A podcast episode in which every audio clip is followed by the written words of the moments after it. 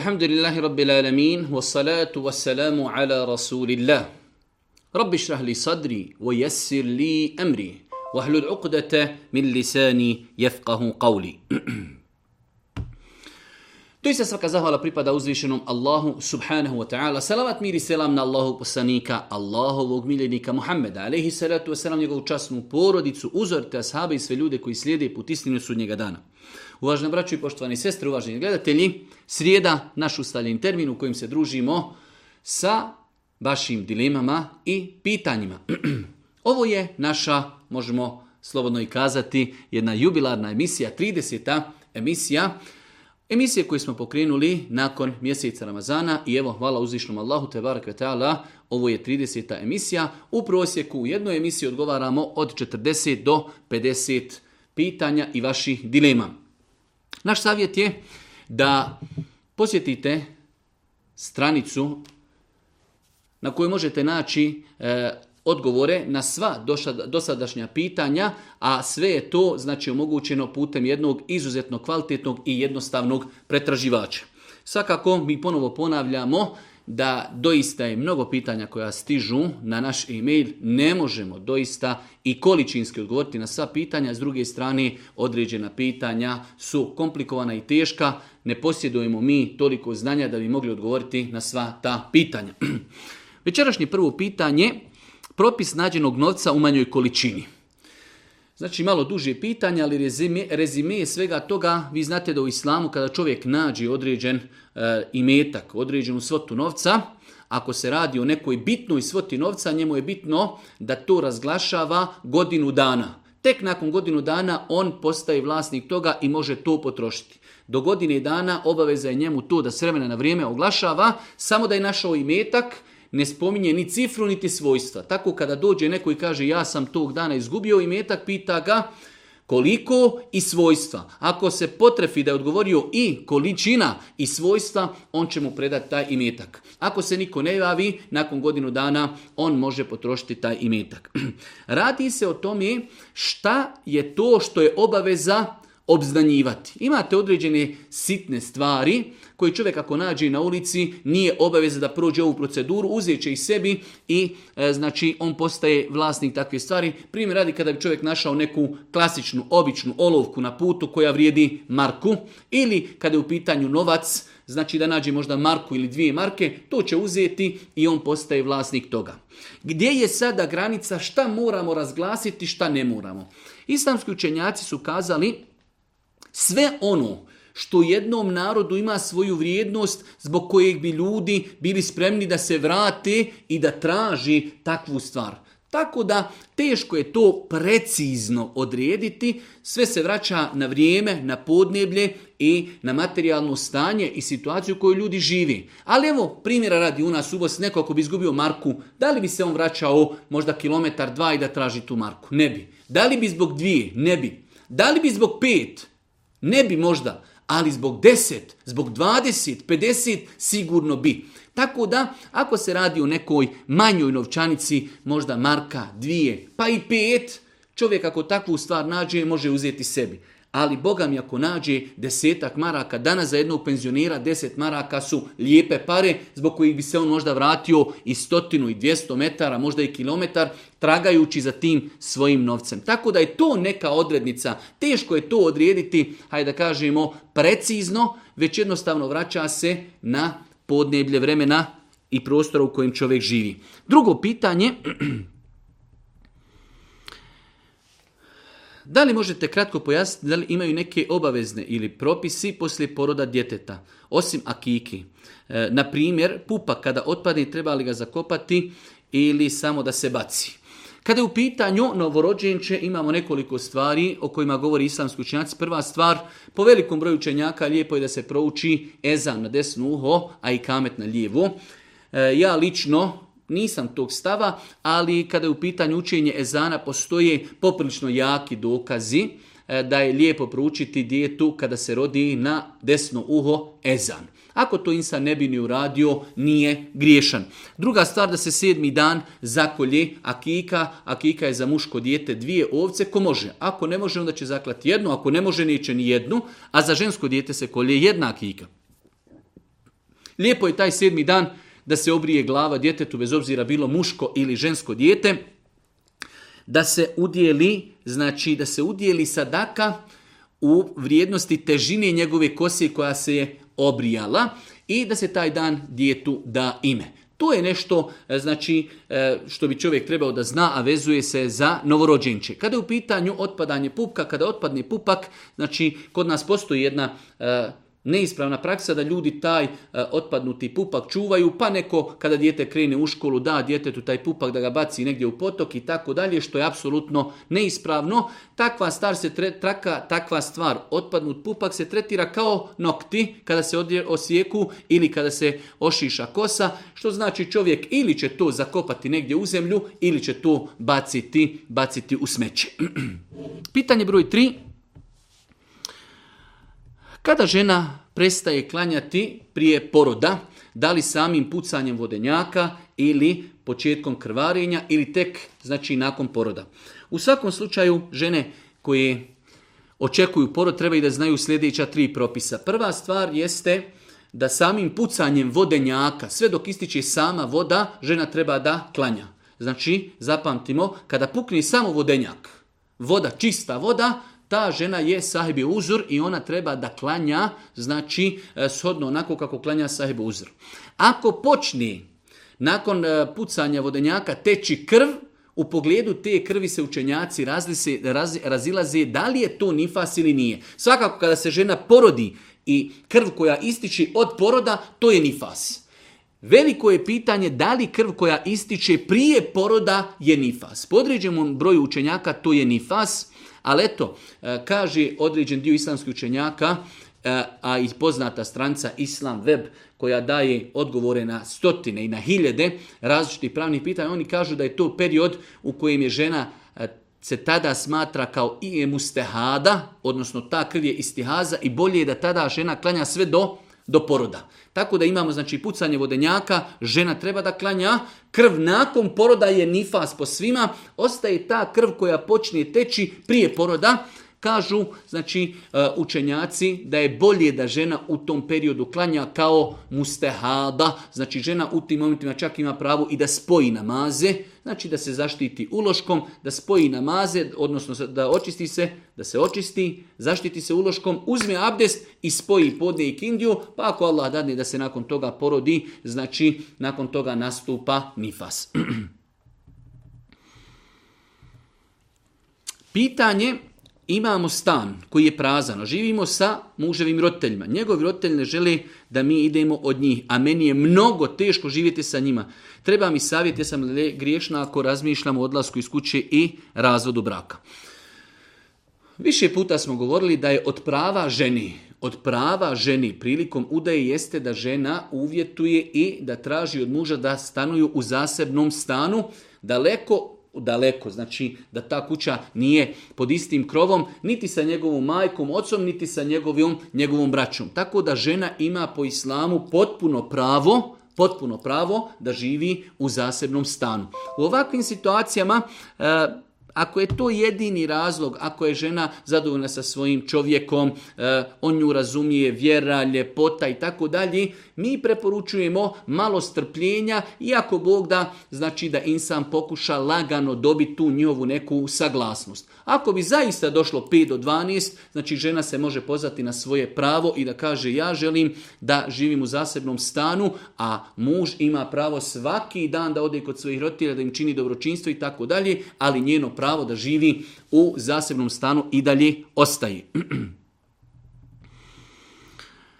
Čekamo treću bebu, ako bude muško možemo li nati ime Muhammed nema nikakve smetnje, znači od smrti Muhammeda alaihi salatu wasalam iza njegova života i nakon njegove smrti kroz umet je prodefilovalo hiljade, stotine hiljada, ako ne i milioni ljudi koji su imali ime Muhammed, tako da s aspekta Islama nema ništa sporno u tome da čovjek svome djetetu nadje ime Muhammed, čak šta više, hajde da kažemo, jedan vid i počasti i lijepo da dijete ima ime po najodabranijem Allahom subhanahu ta'ala i insanu i najodabranijem poslaniku, pečatu svih poslanika Muhammed alaihi salatu wasalam, tako da nema ništa sporno u tome da čovjek nadije svome djetetu e, ime Muhammed, Došlo je u određenim hadisma da Allah poslanik preporučio nadjevanje poslaničkih imena. Pa ako je preporučeno i lijepo da se nadjevaju poslanička imena, a Muhammed Ali je najbolji poslanik, definitivno da je pohvalno i lijepo naditi svome djetetu ime Muhammed.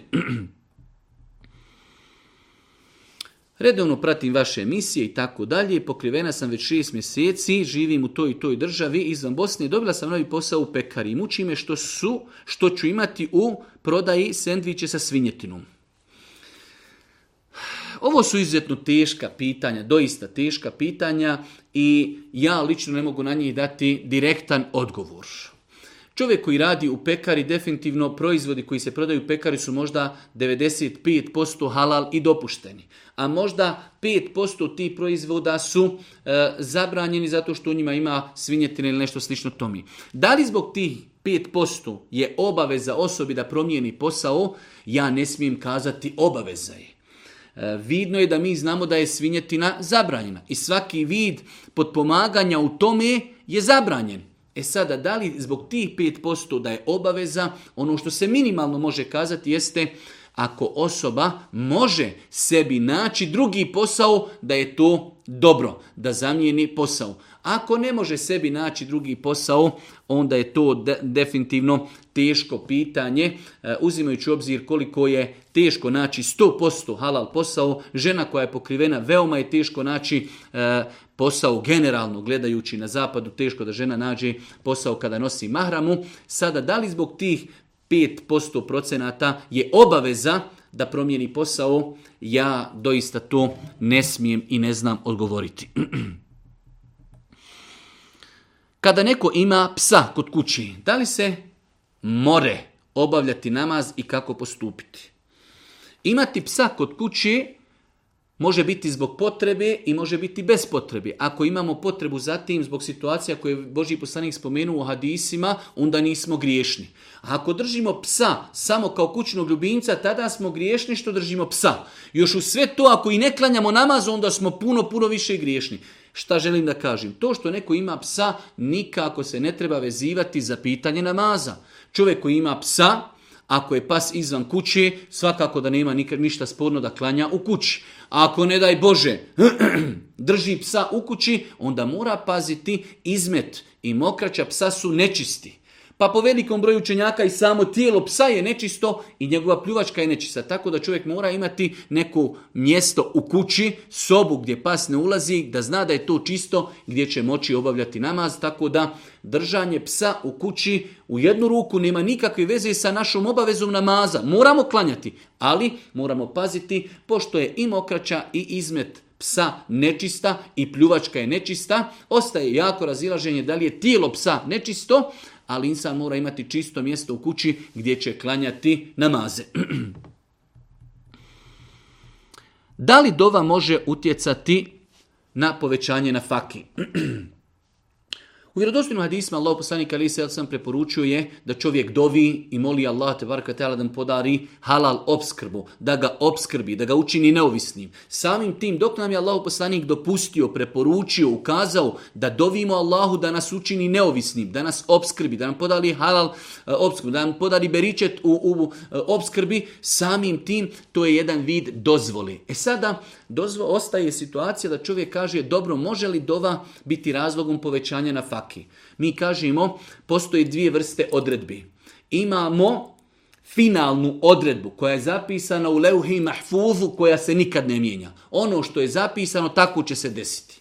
Imamo odredbu godišnju koja u datom momentu je vezana za uvjete. Pa primjer radi, možda kod nekog čovjeka piši, ako bude dovio da mu Allah poveća na faku, njegova na faka te godine će biti 50.000 maraka. Ako ne bude dovio, njegova na faka te godine će biti 20.000. Šta god onda odaberi, i dovio ili ne dovio, to je zapisano u i Mahfuzu, ali znači imao je mogućnost putem dovi da poveća svoj na faku kao što je došlo u vjerodostojnim hadisima, ko želi da mu se poveća na faka i da mu se produži život, neka obilazi rodbinu. Pa znači može se u islamu na faka povećati zbog dovi. Deseto pitanje, da li je dozvoljeno da čitamo Bibliju, stari, za, stari novi zavjet i tako dalje? Jedno interesantno, ali isto tako i teško pitanje. Allah najbolje zna kada su u pitanju, hajde da kažemo, opće mase muslimana, nema potrebe da čitaju e, bilo koje druge nebeske knjige mimo Kur'ana. Zašto? Zato što mi muslimani vjerujemo da sve knjige mimo Kur'ana su izmijenjene. I apsolutno oko toga ne treba raspravljati, znači samo kada vidite koliko imate različiti verzija svih tih nebeskih objava mimo Kur'ana, to je sam pokazatelj koliko tu ima dodati i oduzeti stvari. E, to je jedna stvar što ne znamo šta je u svemu tome sada Božja riječ, šta nije. Mi u osnovi vjerujemo i da je Tevrat, i Zebur, i Inđil, i znači Biblija, sve da je to u osnovi Božja riječ.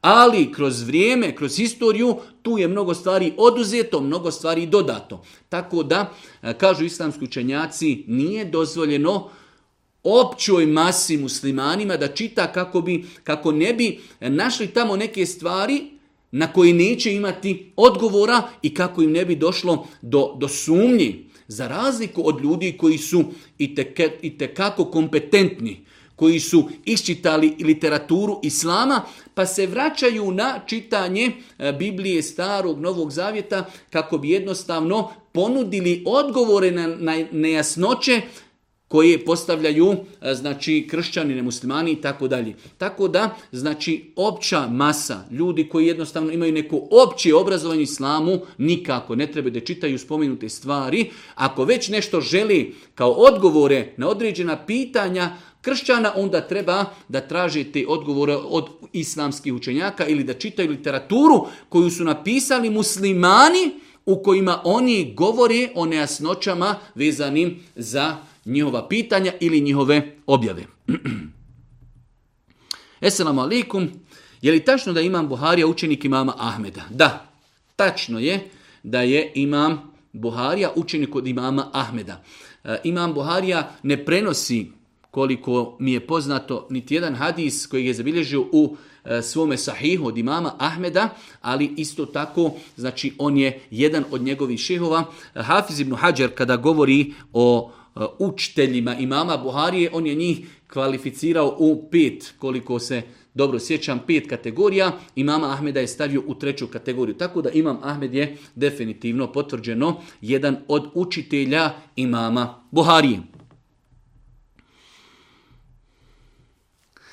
Pitanje malo duže, ali je rezime tog pitanja da li kada učimo zikrove nakon namaza, da li s jednog zikra prelazimo na drugi direktno ili moramo praviti neke e, prijelaze kao što to kod nas radi Subhan el Baqi, da, imen il šukr, elhamdulillah i tako dalje. Nema potrebe. Znači učimo ajetul kursi, završili smo, počinjemo odmah Subhanallah, Subhanallah, Subhanallah, završili smo. Elhamdulillah, elhamdulillah, elhamdulillah, završili smo. Allahu ekber, Allahu ekber, Allahu ekber i tako dalje.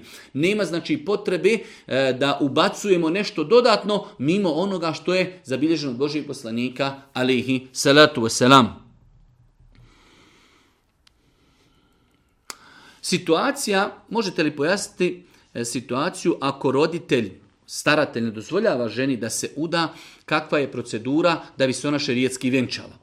U svakom slučaju hadisi vjerodostojni potvrđuju da je e, saglasnost staratelja uvjet validnosti braka. La nikaha illa bi Nema validnog braka osim u saglasnost staratelja. E sada, može se desiti situacija na koju islam ipak nudi rješenje, da imamo staratelja jednostavno e, ne razmišlja u korist žene koju on zastuplja, svoje čerke, pa dolazi prosac jedan, drugi, treći, moralni, lijepi, čestiti, situirani, ali on kaže ne, ne dozvoljavam.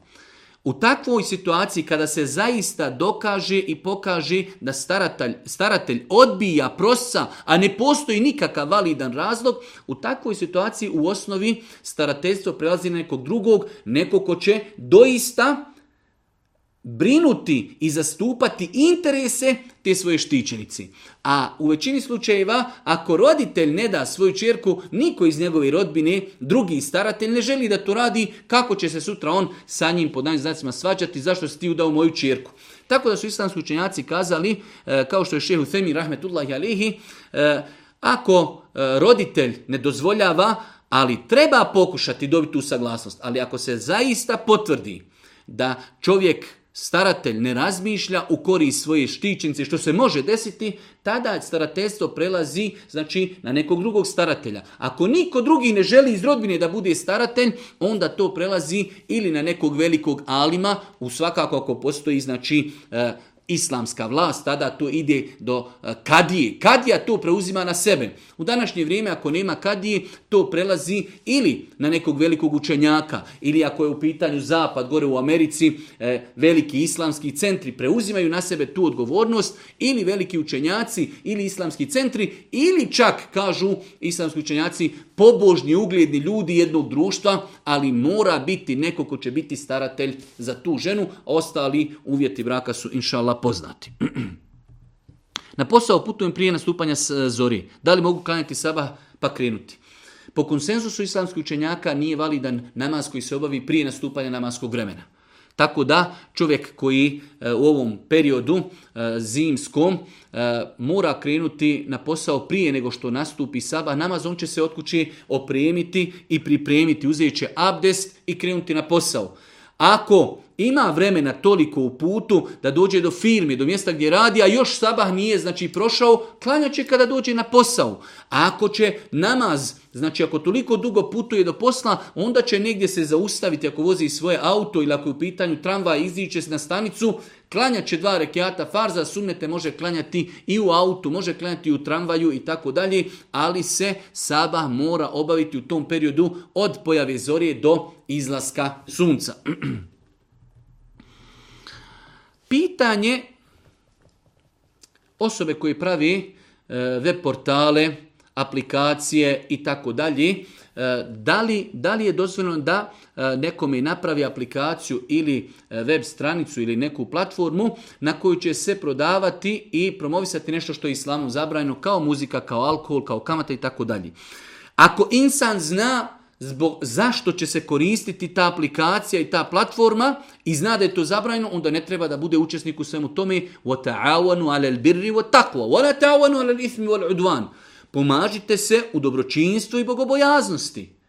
A nemojte se potpomagati u grijehu. Ako mi napravimo aplikaciju koja promoviše blud, promoviše alkohol, mi smo to naplatili, ali smo mi bili razlogom da se pročuje i da se afirmiše i promoviše nemoral. Tako da ako čovjek zna, neće prihvatiti. Za razliku ako nam neko dođe i kaže da mi napravi aplikaciju da ima to, to, to i to. Ne kaže nam zašto, ništa. Nama nije obavez da pitamo. Mi ćemo mu napraviti ono što traži, kao što je u osnovi dozvoljeno prodati nož. A nož se može, ne daj Bože, koristi i u neispravne svrhe. Mi ne možemo svakog čovjeka koji kupuje nož pita, a čekaj, zašto ti kupuješ nož? Nož, evo, ali ako bi čovjek došao i kaže, treba mi nož, hoću da nekoga ne daj Bože napadnim. Tada mi ne damo nož i ne, prodajemo nož zato što smo u jednu ruku saučesnik u svemu tome. Tako da znači, ako neko od nas traži neku aplikaciju, ne znamo zašto će se koristiti ili znamo da će se koristiti za halal, dozvoljno. Ako znamo da će se koristiti za haram, onda ne treba prihvatati takve ponude.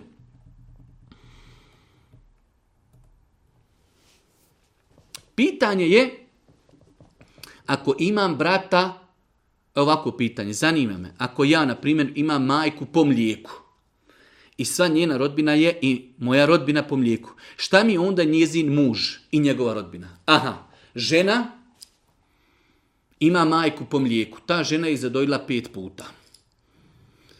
Pa je tako ova osoba koja je postala pitanje smatra da sva ta rodbina sa ženine strane i njoj e, rodbina, što je tačno. Ali šta je sa mužem?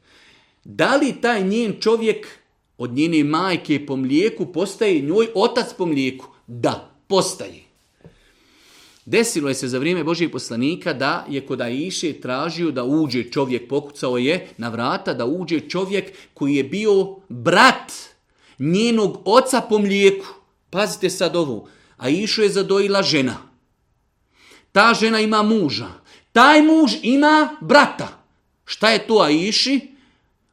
Znači žena je majka, njezin čovjek je otac po mlijeku a iši, njegov brat je njoj Amidža. Čovjek pokucao da uđe, ona kaže, pa gdje ćeš ti ući? Pa kaže, ja sam ti Amidža po mlijeku. Ama kaže, kakve veze ti imaš sa mnom? Žena me je zadojila i davala im mlijeko, to je njen muž, a ti si tek njegov brat. Pa je došao Boži poslanik i kaže, i zeni lehu, fe innehu ammuki, dozvoli mu neka uđe kod tebe, jer je tvoj Amidža on po mlijeku. Pa je znači i ta muška loza, ako imamo ženu koja je zadojila dijete, ona je majka po mlijeku, ali njen muž je otac. Njen brat je anđa po mlijeku i tako dalje. Tako da, znači, jednostavno je zapamtiti, naučiti propise e, po mlijeku. Samo dijete koje je zadojeno uzmemo iz porodice u kojoj je zadojeno i stavimo ga u porodicu te žene koja ga je zadojila. Smatramo ga kao da je to njeno dijete i sve ono što je muž njemu, tako znači biva i sa ženskom i sa muškom linijom. Nadam se inša da smo razumjeli. 18. pitanje, čudno pitanje, ali Bože moj, dolazi nam nekada i čudna pitanja, ali nam je drago da nam ljudi vjeruju i postavljaju ovakva pitanja. Kaže čovjek, da li je grijeh izabran da moja žena ima odnos s drugim muškarcem, a pritom da sam ja zato saglasan dao dozvolu, a mi inače imamo lijepi čvrst brak. Pita čovjek da li je dozvoljeno da njegova žena ima intimni kontakt sa drugim muškarcima uz njegovu saglasnost, a oni žive lijepim i čvrstim brakom. Da ne bi davali teške kvalifikacije, zabranjeno je. Ne može neko nekome dozvoliti nešto što je haram. Zamislite da vam neko kaže da li ja mogu piti alkohol i kažeš ja vam dozvoljam da vi pijete alkohol. Znači, čovjek i žena kada su u braku, blud je zabranjen kako prije braka, tako u braku i tako nakon braka. Ne može muž dozvoliti svoju ženu, da kaže, evo ja sam dozvolio i sad je sve ok. Da ne govorimo gdje je tu ljubomora, gdje je tu stid, gdje je tu brak, gdje je tu potomstvo. Sutra žena spava s drugim čovjekom zatrudnila. Čije je to dijete? Znači, stotinu nekih negativnosti.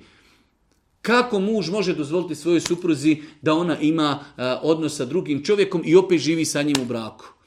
Znači, totalno, apsolutno, apsolutno zabranjeno i haram. Kako postupiti ako na ruku se sjetim da sam zaboravila proučiti Fatihu na kijam? Osoba klanja i otišla je na ruku i onda se sjeti da je zaboravila proučiti Fatihu. U takvoj situaciji kažemo Osoba ako sumnja, znači sumnja, možda jesam, možda nisam, neće se osvrtati na to. Pogotovo osobe koje imaju mnogo vesvisa. To se dešava najviše osobama koje imaju vesvisa. Ako bi osoba sigurno rekla, dam, sigurno, za, znači mogu se zaklijesti da nisam proučila Fatihu, dok sam ustala počela sam učiti prije radi e, suru Kulhu Valla, nisam Fatije proučila, tada to je osoba vrati se na kijam, prouči Fatihu, prouči suru i nastavi klanjati. Znači, ako bi znali sigurno, ali sigurno, da nismo proučili Fatihu, vraćamo se na to mjesto i nastavljamo klanjati od tog mjesta. A ako sumnjamo ili ako imamo vese, se nam počesto šitan tako dolazi, ne osvrćemo se na te stvari nikako. Jedno duže pitanje, mome mužu se javila njegova bivša cura na kraju krajeva, znači njih dvoje sada kontaktira, ali kaže ta žena je udata, ima svoju porodcu, a njih dvoje se dopisuju i tako dalje. Šta uraditi u takvoj situaciji? U takvoj situaciji treba savjetovati tog čovjeka. Kako se čovjek može dopisivati Znači to mu je bila nekada djevojka, svakako da kada se dopisuju, dopisuju se ljubavno. Ona udata, on oženjen i njih dvoje imaju neke e, komunikacije, svakako da je to strogo zabranjeno. Ono što može žena u tom slučaju da razgovara, da savjetuje, da kaže mužu dobro, a da li bi ti volio da se ja dopisujem s nekim drugim muškarcem i tako dalje. To je ono što žena može u tom momentu da uradi, da pozove tog čovjeka na odgovornost, pa boga mi, ako ima i potrebe, možda da se i ona malo javi i to njegovoj prijateljici pa da joj kaže malo sram te isti bilo i tako dalje. Ono već šta treba da joj kaže. U svakom slučaju čovjek nema šta da traži da se dopisuje sa tuđom ženom koja je udata u braku. Zanima me šta možemo učiti na vitr namazu osim kunu dovi. nakon kunu dovi, odnosno na vitr namazu se može učiti kunu dova, može se učiti bilo koja druga dova da li dova svojim riječima, da li neka druga dova zabilježena od Božijeg poslanika, ali se letu selam, sve je tu dozvoljeno. Znači, na vitr namazu možemo da ne učimo dovu nikako. Možemo da učimo kunu dovu, možemo da učimo kunu dovu i nakon nje druge dove, možemo da ne učimo kunu dovu i da učimo neke druge dove koje su zabilježene od Božijeg poslanika, pa čak i da učimo dove na našem jeziku, ako Bog da sve je tu dopušteno.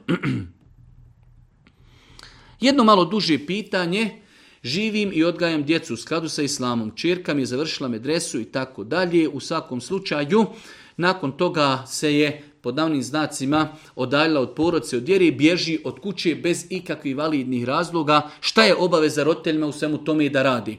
Ono što roditelji mogu, Jeste ako je to dijete i prema islamu i prema ovim zakonima dunjalučkim, ako je punoljetno, mogu da pokušaju, da daju sve od sebe, da stupe u kontakt, da razgovaraju, da pozovu i tako dalje. To je ono što je u njegovoj mogućnosti. Nikome nije drago, ne daj Bože, da nečije dijete ode od kući. Ali šta možemo uraditi? Ne možemo mi nekoga nasilu držati u kući.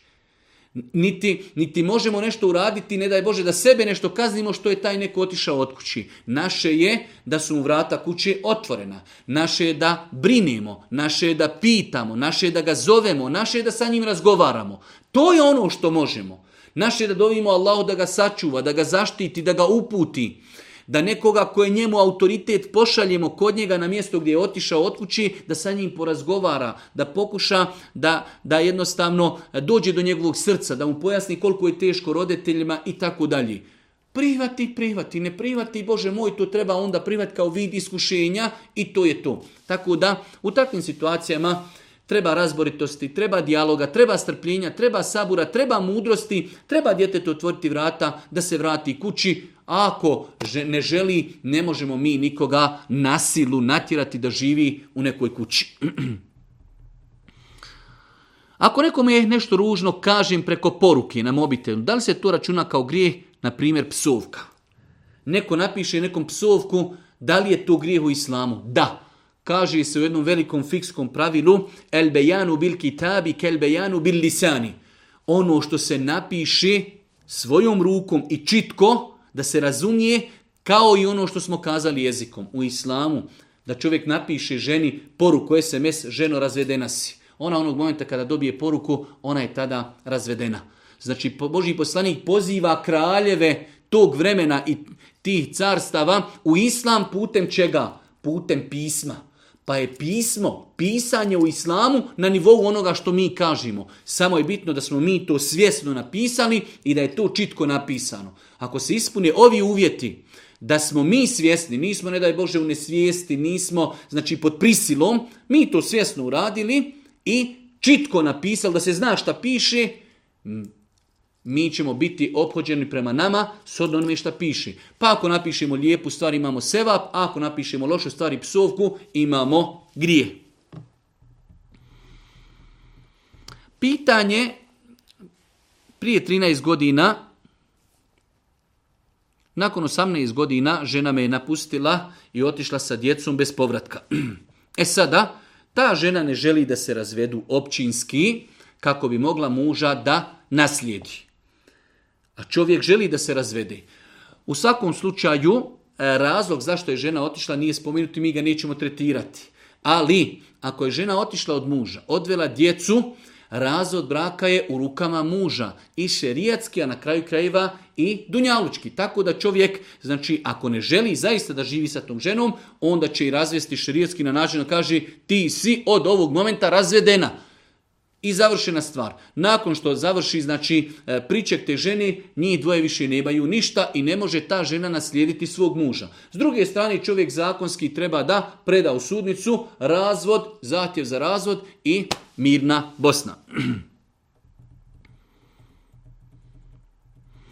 Jedno pitanje duže, e, u životu nisam bio mogućen da upišem islamski fakultet. fakultet. Upisao sam neku drugu struku, međutim, e, pitanje Odakle da počnem učiti vjeru i kako bi jednog dana postao alim. Znači imamo insana koji nije završio islamski fakultet, studirao je nešto drugo, ali jednostavno volio da bude islamski učenjak.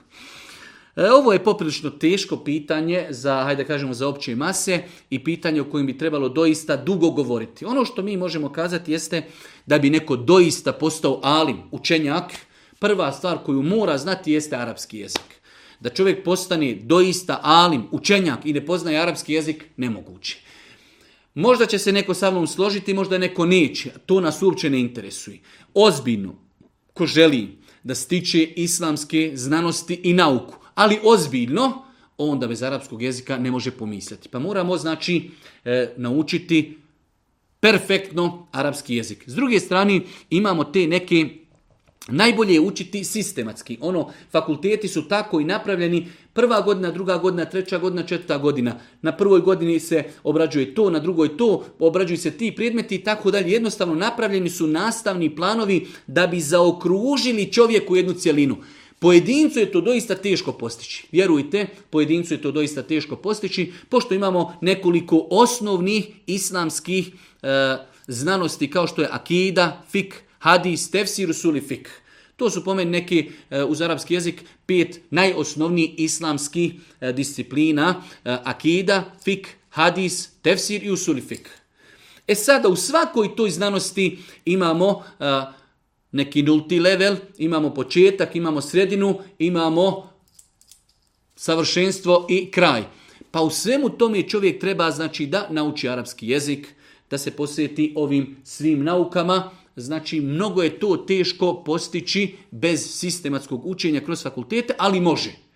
Dobra volja može, znači insan može to postići. Svakako sada u svim ovim znanostima u Akidi imamo knjige za početnike, pa knjige malo nakon početnika, pa knjige za usavršavanje akide. Tako isto je u hadisu, tako isto je u fikhu, tako isto je u tefsiru, tako isto je u suli fikhu. Ima tu, ima tu mnogo posla, ali eto, nadam se da smo koliko toliko uspjeli e, odškrinuti vrata za ovakav odgovor.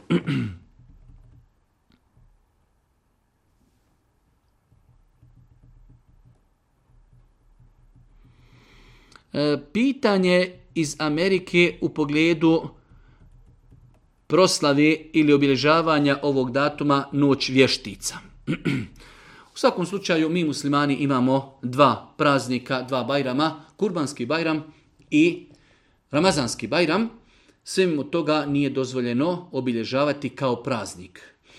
E, ne postoji, danas sam čitao na različitim e, web portalima, znači stavovi islamskih učenjaka u pogledu ovog praznika ne postoji niko od učenjaka koji je dozvolio da muslimani na bilo koji način učestvuju u obilježavanju ovog praznika. To što se velik broj ljudi uklopio, asimilirao se u e, države i podneblja gdje su otišli, nije nikakav dokaz da je to dopušteno. Nažalost, evo mi živimo u Bosni pa imamo novu godinu gdje možda procentualno 90% bošnjaka učestvuje u obježavanju nove godine, pijenju alkohola, muzici i tako dalje. Da li to ukazuje da je to dozvoljeno? Nikako. Tako da i čovjek u ovoj noći vještica. Noć vještica. Ama gdje može nešto biti, znači, po islamu dozvoljeno da bude noć vještica sama riječ ukazuje o čemu se radi. Tako da muslimani u toj noći treba da se ponašaju kao što se ponašaju svakoj drugoj večeri. Ha, klanjaju akšam, klanjaju jaciju, malo razgovaraju s porodcom, legnu spavat, ustaju na saba kao da se ništa desilo nije. Svakako sve te stvari ukazuju na slabost imana, na slabost znanja, na slabost identiteta i tako dalje. Slijeđenje e, naroda u njihovim običajima, u njihovim praznicima zbog naše i nepismenosti, naših slabosti u imanu i tako dalje. Kako čovjek da se oslobodi od bolesti srca poput zavisti, ljubomori na blagodatme koje Allah podario drugima? Jedno interesantno pitanje, preporučujem knjigu koju je napisao profesor Hajrudin Ahmetović, Dijela srca, jedna izuzetno dobra knjiga koja govori i o pozitivnim dijelima srca, ali isto tako o bolestima koje mogu zadesiti ljudsko srce i koje se kako i na koji način se liječi. Ali generalno u svim tim nekim bolestima srca, e, znači kao što je zavis, kao ljubomora, treba ih liječiti borbom. Znači čovjek se treba boriti sam protiv sebe i protiv svoga nefsa, treba tu strpljenja, treba tu dosta dovi, treba ispravnog vjerovanja u kader. Vjerovanje da je faka ugled i sve drugo, sve druge blagodati od uzvišenog Allaha, pa ako nekome zavidimo, mi se protivimo Allahu, u njegovoj odredbi. Zašto da nekom zavidimo jer mu je Allah nešto više dao, a Allah mudri i sveznajući je taj koji mu je to dao. Šta mi imamo da se miješamo u to i šta ima da mu zavidimo? Isto tako, znači ponavljamo, samo obračun, borba sa samim sobom, strpljenje, dova, ispravno vjerovanje u kader, vjerovanje da je nafaka od uzvišnog Allaha, te bar kvetala.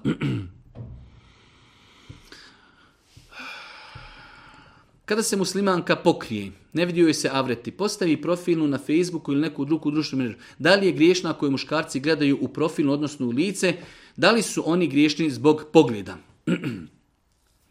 Pitanje ako žena je pokrivena, nosi mahramu i tako se uslikala i objavila tu sliku. Je li ona griješna zbog objavljivanja slike i jesu li griješni ljudi koji gledaju u njenu sliku? Muškarcima je naređeno generalno da obaraju pogled kao što je naređeno i ženama. Tako da čovjek kada vidi sliku žene koja je objavljena na Facebooku, bez obzira bila pokrivena ili otkrivena, on treba da obori pogled. Pa je gledati sliku žene otkrivene i grije, a grije je gledati ženu koja je pokrivena. Što se tiče muškaraca, završili smo. Kažu islamski učenjaci, bez obzira, bez obzira što ima velik broj učenjaka koji je dozvolio da žena ne nosi nikab, ali da li to znači da žena treba da se uslika i da stavi na javno mjesto sliku koju svi mogu gledati? Pa su kazali islamski učenjaci bez obzira što žena smatra da nije obaveza nositi nikab, nije dopušteno ženi da se uslika i ostavi sliku Znači, pogotovo kada je uslikano lice, gdje ljudi mogu vidjeti njeno lice da je dostupno svima za viđenje. Pa je njen postupak pogrešan, a i pogrešan je postupak oni koji gledaju u njeno lice. Pitanje osoba koja servisira račune i naplaćuje satnicu na način da svaki novi sat u koji uđe naplaćuje kompletan sat. Da li je to dozvoljeno? Primjer radi čovjek naplaćuje sat 10 Radio je kod čovjeka 3 sata i 10 minuta, on mu naplaćuje 4 sata. Da li je to ispravno? Allah najbolji zna. Smatram da to treba spomenuti na početku. Znači da čovjek kaže, došao sam, servisiram vam kompjuter, način mog obračunavanja je sljedeći. Svaki novi sat u kojim uđem ja naplaćujem cijeli sat. Ako to insan prihvati, u redu je. I druga stvar, da insan bude ekspeditivan i da radi e, brzo i da radi normalno, a ne da razlači kako bi ušao u neke nove sate i to dodatno naplatio. Tako da Allah najbolje zna. Znači, ako osoba koju servisiramo, računar ili nešto drugo, prihvati takav način plaće, mi kažemo, vidite, svaki novi sat je nova, novih 10 maraka, taman da uđem 2, 3, 5 minuta, znači, ali isto tako pedeset 59 minuta, ja ću naplatiti samo 10 maraka. Ako to osoba prihvati takav način i ako mi ne odugovlačimo kako bi navukli više sata, ne smatram inšala, ne vidim u tome ništa sporno u takvom načinu e, rada. Šta je u islamu laž? Da li ima velika i mala laž? kada kažemo malom djetetu neku šalu i tako dalje. U svakom slučaju, laž u islamu je govoriti ono što je suprotno stvarnosti. Iskrenost je kazati ono što jeste u stvarnosti, a suprotno tome je, znači laž je da nešto kažemo suprotno stvarnosti. Ako je se desilo tako i tako, mi kažemo ne, bilo je drugačije. To je laž. Pa tako isto ne postoji velika laž i mala laž. Ako slažimo djeci, to je mala laž. Ako slažimo velikima, ne. Poznat je onaj hadis da je žena pred Božim poslanikom rekla svom djetu, dođi da ti nešto dam. Kaže Boži poslanik, a hoćeš li mu saista nešto dati? Kaže, da, želim da mu dam datulu jednu. Kaže, da nisi to tijela da mu daš, da si ga samo onako zovnula da ga prevariš, to bi ti se upisala jedna laž. Tako da, čovjek treba paziti kada se opodi prema svima, a pogotovo i prema djeci, da im ne opodi se tako dođi da ću ti nešto da ne obećava jer ako to ne ispuni onda je to laž. Jedna žena kaže, jedan momak katoličke vjeri iz tog i tog grada, e, nemusliman, nudi mi brak, da li je dozvoljeno da se udam za njega, on poštuje mene, poštuje moju religiju i tako dalje. Prema konsenzusu islamskih učenjaka, ženi muslimanki nije dozvoljeno da se uda za nemuslimana. Prema konsenzusu islamskih učenjaka, ženi muslimanki nije dozvoljeno da se uda za nemuslimana. Dijete je rođeno tog i tog dana u mjesecu na dan srijede. Želimo zaklati akiku kada je sedmi dan. Rekli smo da postoji veliko pravilo koje su postavili islamski učenjaci, a to je da kada se dijete rodi u jednom danu od sedam dana, e, znači sedmici, akika se kolje u sljedeći dan koji pada prije dana rođenja. Pa u ovom slučaju ako se dijete rodilo u srijedu, kad se kolje akika? U utorak. Ako se dijete rodilo petkom, a kika se kolje u naredni četvrtak. Ako se dijete rodilo nedjeljom, a kika se kolje u sljedeću subotu i tako dalje. Znači uvijek zapamtimo pravilo, dan u kojem se dijete rodilo, a kika se kolje sljedeće sedmice dan prije rođenja, znači eh, dana u kojem se dijete rodilo. Kao i većina muslimana im želju obaviti umru. Međutim, neki prijatelji su mi rekli da ne treba ići na umru neko ko nije u mogućnosti i za umri u određenom vremenskom periodu obavi hađ. Netačno. E, odlazak na hađ i umru nemaju e, znači dodirnu tačku. Čovjek može imati, primjer radi, odlazak na hađ je 5000 e, eura, odlazak na umru je 2000 eura. Čovjek ima 2000 eura, želi da ode na umru, obavi umru i vratio se i nakon toga živi, što bi rekli, od prvog do prvog, više nema novca, ne ide na ali obavio umru, vidio je kjabu, klanjao je kod kjabe, obavio umru, po nekim učenjacima jednom obaviti umru je isto obaveza. Tako da insan, znači, ako ima mogućnost da ode obaviti umru, obavit će umru. Nakon toga, ako ima ni mogućnost da obavi hađ, on će obaviti hađ, ali ne postoji uzročno posljedična veza. Ako si obavi umru, moraš u nekom kraćem vremenu obaviti hađ. Ne znam da je to ikada iko od učenjaka kazao.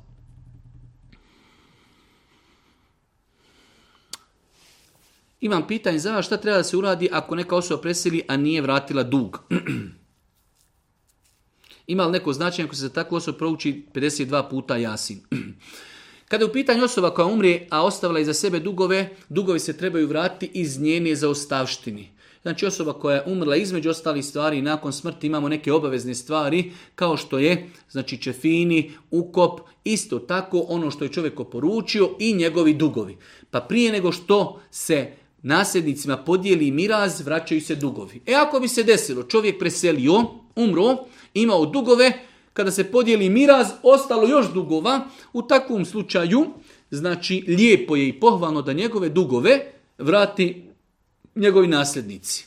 Ako mogu, ako su imućni, lijepo, ne kažem obaveza. Kako bi se ta odgovornost sa njega na sudnjim danu skinula, lijepo je da njegovi nasljednici, ako imaju mogućnost, za njega vrate te njegove dugove. Da li ima koristi proučiti za meta 52 puta jasin? Ako bi 52 puta baš da bude toliko, ne treba to ograničavati. Da insan lično prouči za svoga roditelja 10 puta jasin, 20, 30, nema ništa sporno. Da nagradu učenja jasina pokloni. Ali precizirati 52 puta nije ispravno, a pogotovo ako se to nekome plati da taj neko to prouči, onda je to još neispravnije. Ako su osobe samo šerijetski vjenčane, neopćinski, nakon toga dođe do razvoda, kakav je stav po tom pitanju? Čovjek se oženio i vjenčao se šerijetski. Nije se vjenčao općinski, mi smatramo da je to greška. Nakon toga došlo do razvoda braka, šta nakon toga? Ništa. Znači čovjek se vjenčao šerijetski, živio jedan period, nakon toga razveo svoju ženu, treba da i razvede na ispravan dozvoljen način. Ona kada završi e, idet, kada završi priček shodno koja je to vrsta žena, da li je trudna, da li je mlađa, da li je starija, da li je sa njom ima odnos ili nije, imaju znači različite vrste žena, različiti znači e, ide, ti pričeci, kada završi taj priček, žena ima pravo ponovo da se uda. Svakako da mi savjetujemo sve koji stupaju u brak da se vjenčaju šerijetski zbog islama, ali da se vjenčaju općinski kako bi na taj način e, zadržali i e, ostvarili svoja prava u mjestu u kojem žive, zato što se zna da je to e, legalan brak.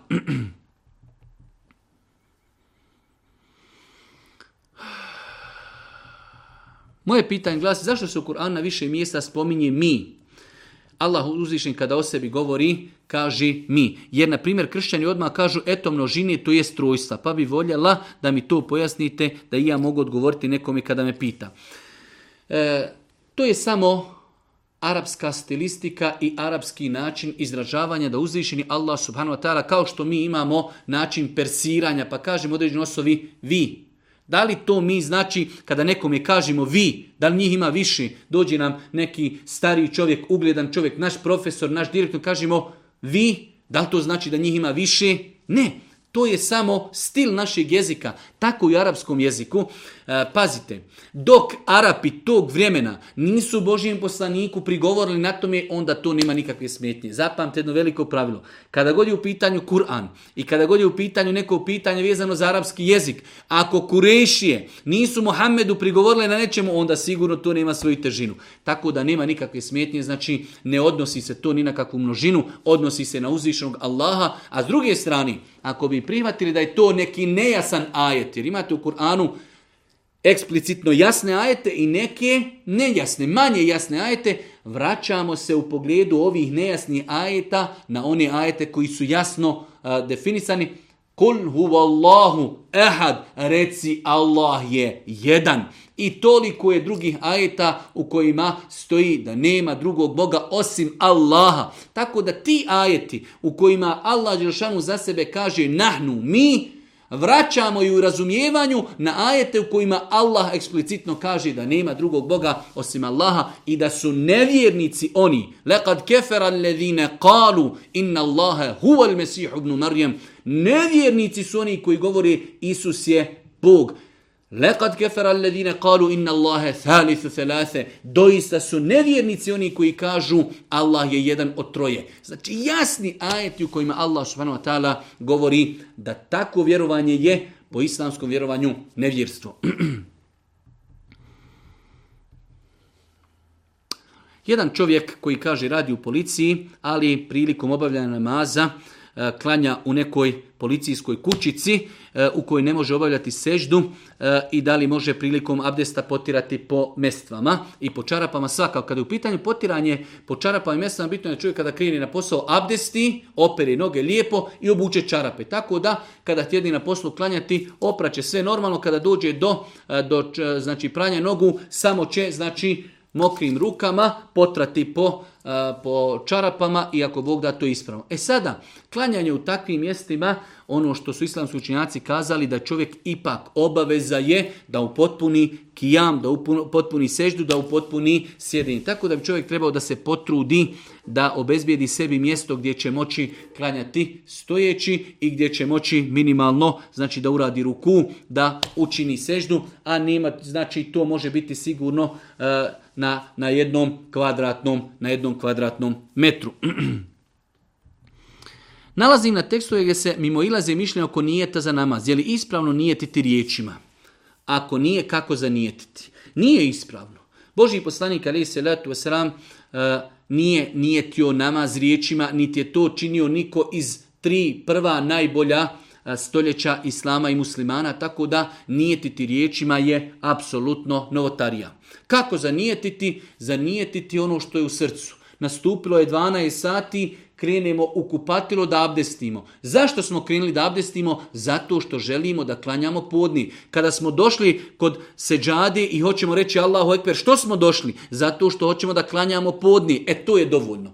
To u srcu što smo otišli u kupatilo da abdestimo. To što smo došli u 12 sati ko se džadi i znamo da je sada podni. Šta želimo klanjati? Podni. E to je dovoljno. Allahu ekber. Ne treba znači ništa izgovarati. Ono što je u našem srcu je dovoljno.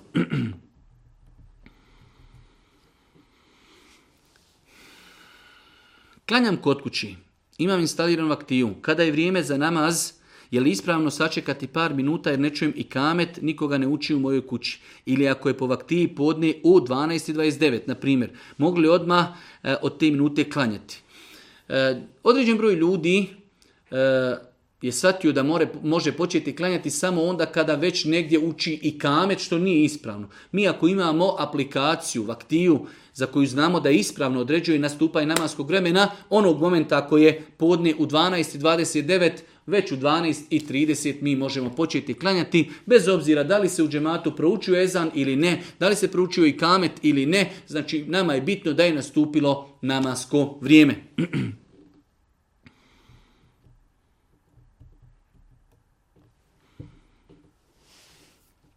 Je li namaz manje vrijedan ako se ne klanja odma ili ako se klanja pred kraj tog namaskog vremena pa se spoji s narednim namazom? Većina namaza pohvalno je da se klanjaju na početku namaskog vremena i tada je se vapnije i ljepšije se klanja. Nastupilo namasko vrijeme da ga odmah klanjamo. Ali to je za ljude koji su slobodni i ljude koji imaju mogućnost.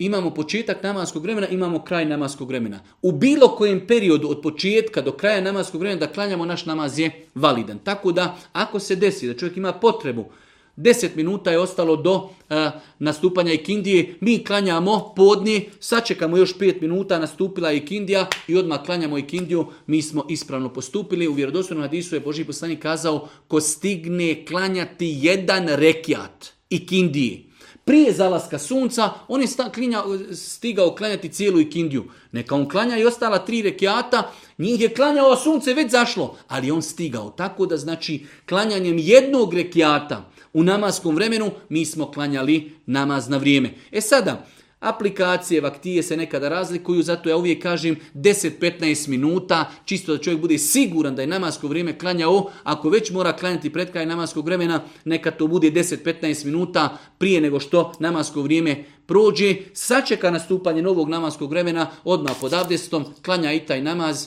i sve je, ako Bog da, ispravno. Je li grije ili pokuđeno brzo učiti u namazu? Ako ima potrebe da se uči brže, ali pod uvjetom, kada je u pitanju pogotovo fatiha, da se izgovaraju harfovi ispravno sa njihovim svojstvima, pa da to bude malo i brži, ne smeta, pogotovo ako zatim ima potreba. Najveći, e, znači, najveća odgovornost je na ispravanju, na ispravnom učenju fatihi. Veoma je bitno da čovjek Fatihu prouči ispravno, već učenje Kur'ana može biti i manji broj ajeta, može malo i brže da se uči. Ono što je najbitnije u namazu i to je najveći temelj, jeste da se ispravno prouči Fatiha. Dižemo li, kaži, prst desne ruke na cijelo etehijatu ili samo na dio kada počinje ešhedu en la ilaha illallah.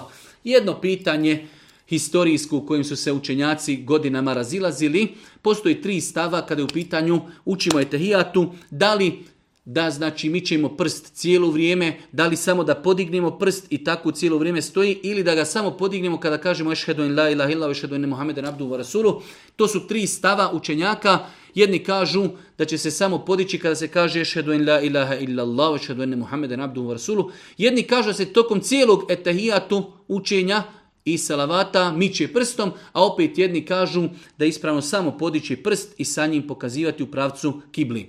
Ja lično sam stava, iako to pitanje niskako ne smije da bude razlog među muslimanske mržnji, nažalost muslimani zbog te sitnici, toliko su kroz historiju imali problema. Znači šta ima veze da jedan miče prstom, jedan ne miče, nema nikakvih problema. Ja lično sam stava da je najjači mišljenje s aspekta hadisa da čovjek samo podigne prst tokom učenja etahijatu i pokazuju pravcu kibli. Nakon toga pojačini je mišljenje da treba tokom cijelog učenja etahijatu micati prst, a treće mišljenje tek je da se e, znači podiže samo kaži prst kada se kaže ešhedu in la ilaha illa ešhedu in muhammeden abduhu wa rasuluhu. Da li je potrebno ponovo uzimati abdest za namaz nakon kupanja? Čovjek se je kupao, nakon toga da li treba da uzme abdest? Ako se kupao od džunupluka, ako je čovjek bio džunup, pa se kupao i ako je prije, abdesta, prije kupanja uzeo abdest potpuno i u toku abdesta nije uradio ništa što kvari abdest, on će nakon kupanja imati abdest. Znači moramo zapamtiti tri uvjeta. Ako se čovjek kupao od džunupluka, ako prije abdesta, ako prije kupanja uzme abdest kompletan i ako u toku kupanja ne uradi ništa što kvari abdest, nakon kupanja on ima abdest.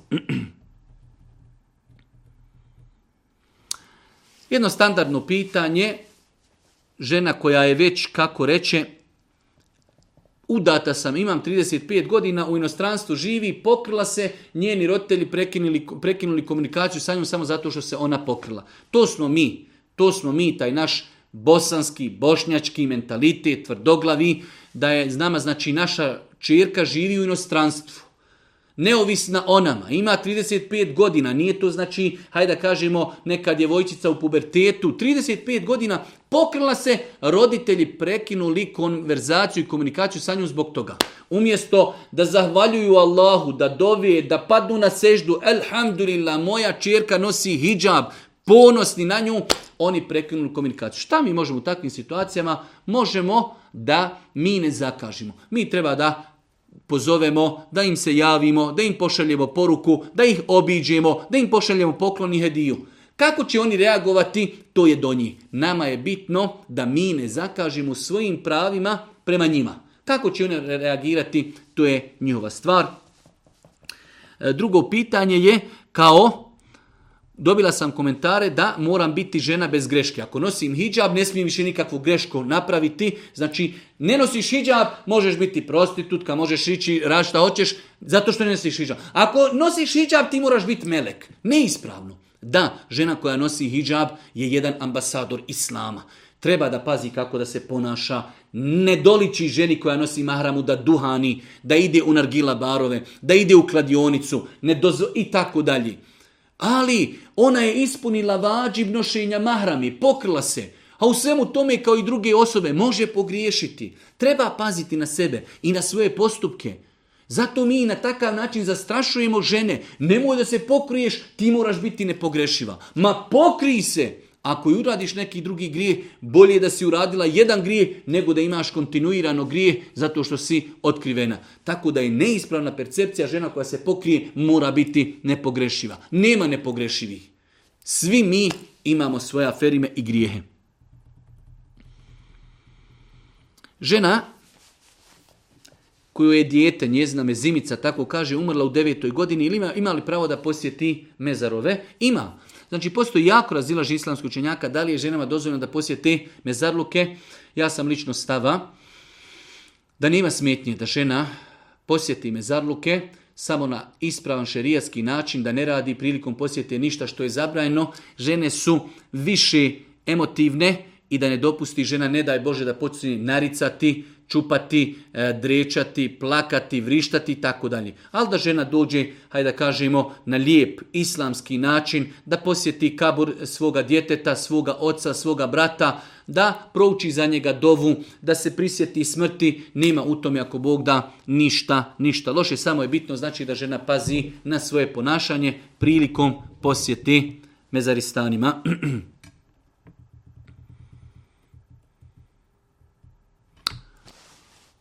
Imam želju ime Allah da se pokrije, međutim kada sam to saopštila mladiću za kojim želim da se udam, on se nije složio s time. To me jako zabolilo i tako dalje. Šta sad?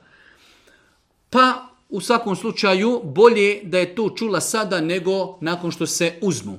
Znači sada žena treba da se uda za insana koji ne želi da se njegova žena pokrije. Tako, sada ako ga prihvatiš, prihvatila si ga da se udaš za nekoga kome smeta mahrama. Za mene lično, je to krupna stvar da nekome ne smeta nečija mahrama. Umjesto da čovjek bude ponosan, da bude e, vesel, Allahu ekber, ženim se, moja buduća žena želi da se pokrije, on ne dopušta ženi da se pokrije. Pa dobro, ko je taj čovjek? E, kako se deklariše kao musliman, a smeta mu mahrama i tako dalje. Tako da po meni lično to je dobro da se saznalo prije braka nego da stupimo u brak pa kažem želim se pokret, kaže ne može. Pa onda ne znaš ili naprijed ili nazad. Ovako znamo kako se osobi radi, da li ćemo stupiti u brak sa njim ili ne, to je već drugo pitanje. vidio sam, dobar dan, vidio sam vaš TikTok profil, imam jedno pitanje, ja sam kršćan, idem e, u crku svake nedjelje i tako dalje. Šta će biti sa nama, ne muslimanima, odnosno hoćemo li po vašim vjerovanjima koje poštujem ići u raj, džennet ili u pakao džehennem. Lijep pozdrav.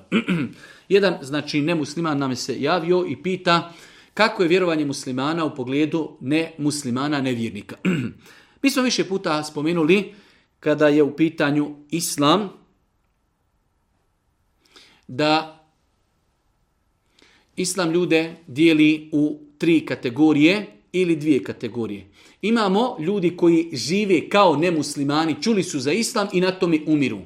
Po muslimanskom, islamskom vjerovanju to su nevjernici i takvi ljudi će vječno ostati u vatri prema islamskom vjerovanju. Znači toliko je dosta kuranskih ajeta, hadisa, Božih poslanika, ali se ratu sram, koji jasno potvrđuju da ljudi koji su živjeli u periodu nakon Božijeg poslanika Muhammeda alaihi salatu selam, čuli su za njega, čuli su za njegov poziv, nisu povjerovali u njega, njegova poslanica je derogirala sve prethodne poslanice, Allahu poslanik alaihi salatu selam je pečat svim poslanicima, tako da je obaveza svim ljudima da vjeruju u Muhammeda ali salatu selam da se pokori da budu muslimani. Oni koji to ne uradi prema islamskom vjerovanju bit će vječno kažnjeni u džehennemu.